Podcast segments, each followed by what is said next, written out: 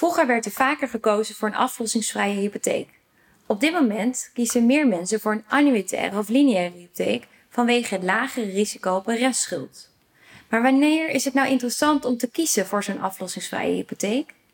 Het voordeel van een aflossingsvrije hypotheek kan zijn het hebben van lagere maandlasten. Want de naam zegt het eigenlijk al.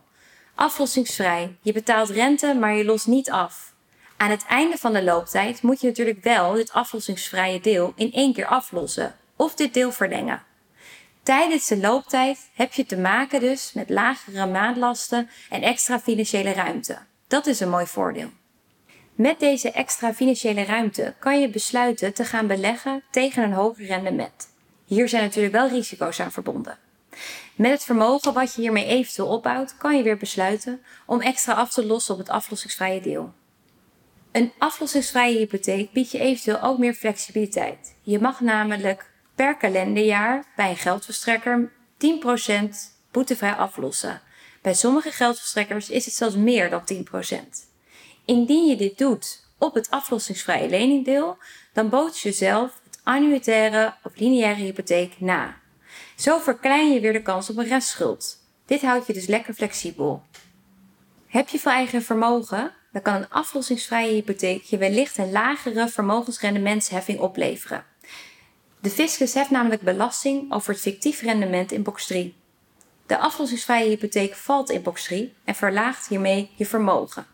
Hierdoor ben je onderaan de streep minder kwijt aan vermogensrendementsheffing. Wil je een hypotheek met een kortere looptijd dan de standaard van 30 jaar? Sinds 2013 kan het zijn dat je juist met een aflossingsvrije hypotheek voor je eerste woning meer kunt lenen dan een annuitaire of lineaire hypotheek met een kortere looptijd.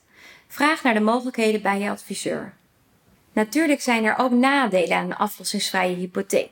Je hebt bijvoorbeeld geen recht op hypotheekrenteaftrek over dit aflossingsvrije deel. Dit gaat ook nooit meer herleven. Aan het einde van de looptijd moet je natuurlijk ook de schuld in één keer aflossen. En dit is het moment waar veel mensen in de problemen komen. Het is namelijk in de afgelopen 30 jaar toch financieel gezien anders gelopen dan dat er 30 jaar eerder is voorspeld. Indien je wil gaan oversluiten, kan het zo zijn dat je bij een aflossingsvrije hypotheek een hogere oversluitboete betaalt. Dit is dan ook een nadeel van een aflossingsvrije hypotheek. Vaak is de rente bij een aflossingsvrije hypotheek ook hoger dan de rente bij een annuitaire of lineaire hypotheek.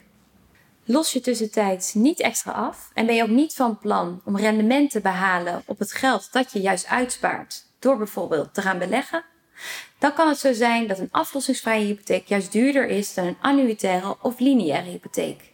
Dit is de combinatie van niet tussentijds aflossen, een hogere rente en geen recht hebben op hypotheekrenteaftrek. Twijfel je of een aflossingsvrije hypotheek in jouw situatie voordeel kan opleveren? Vraag het na bij je adviseur.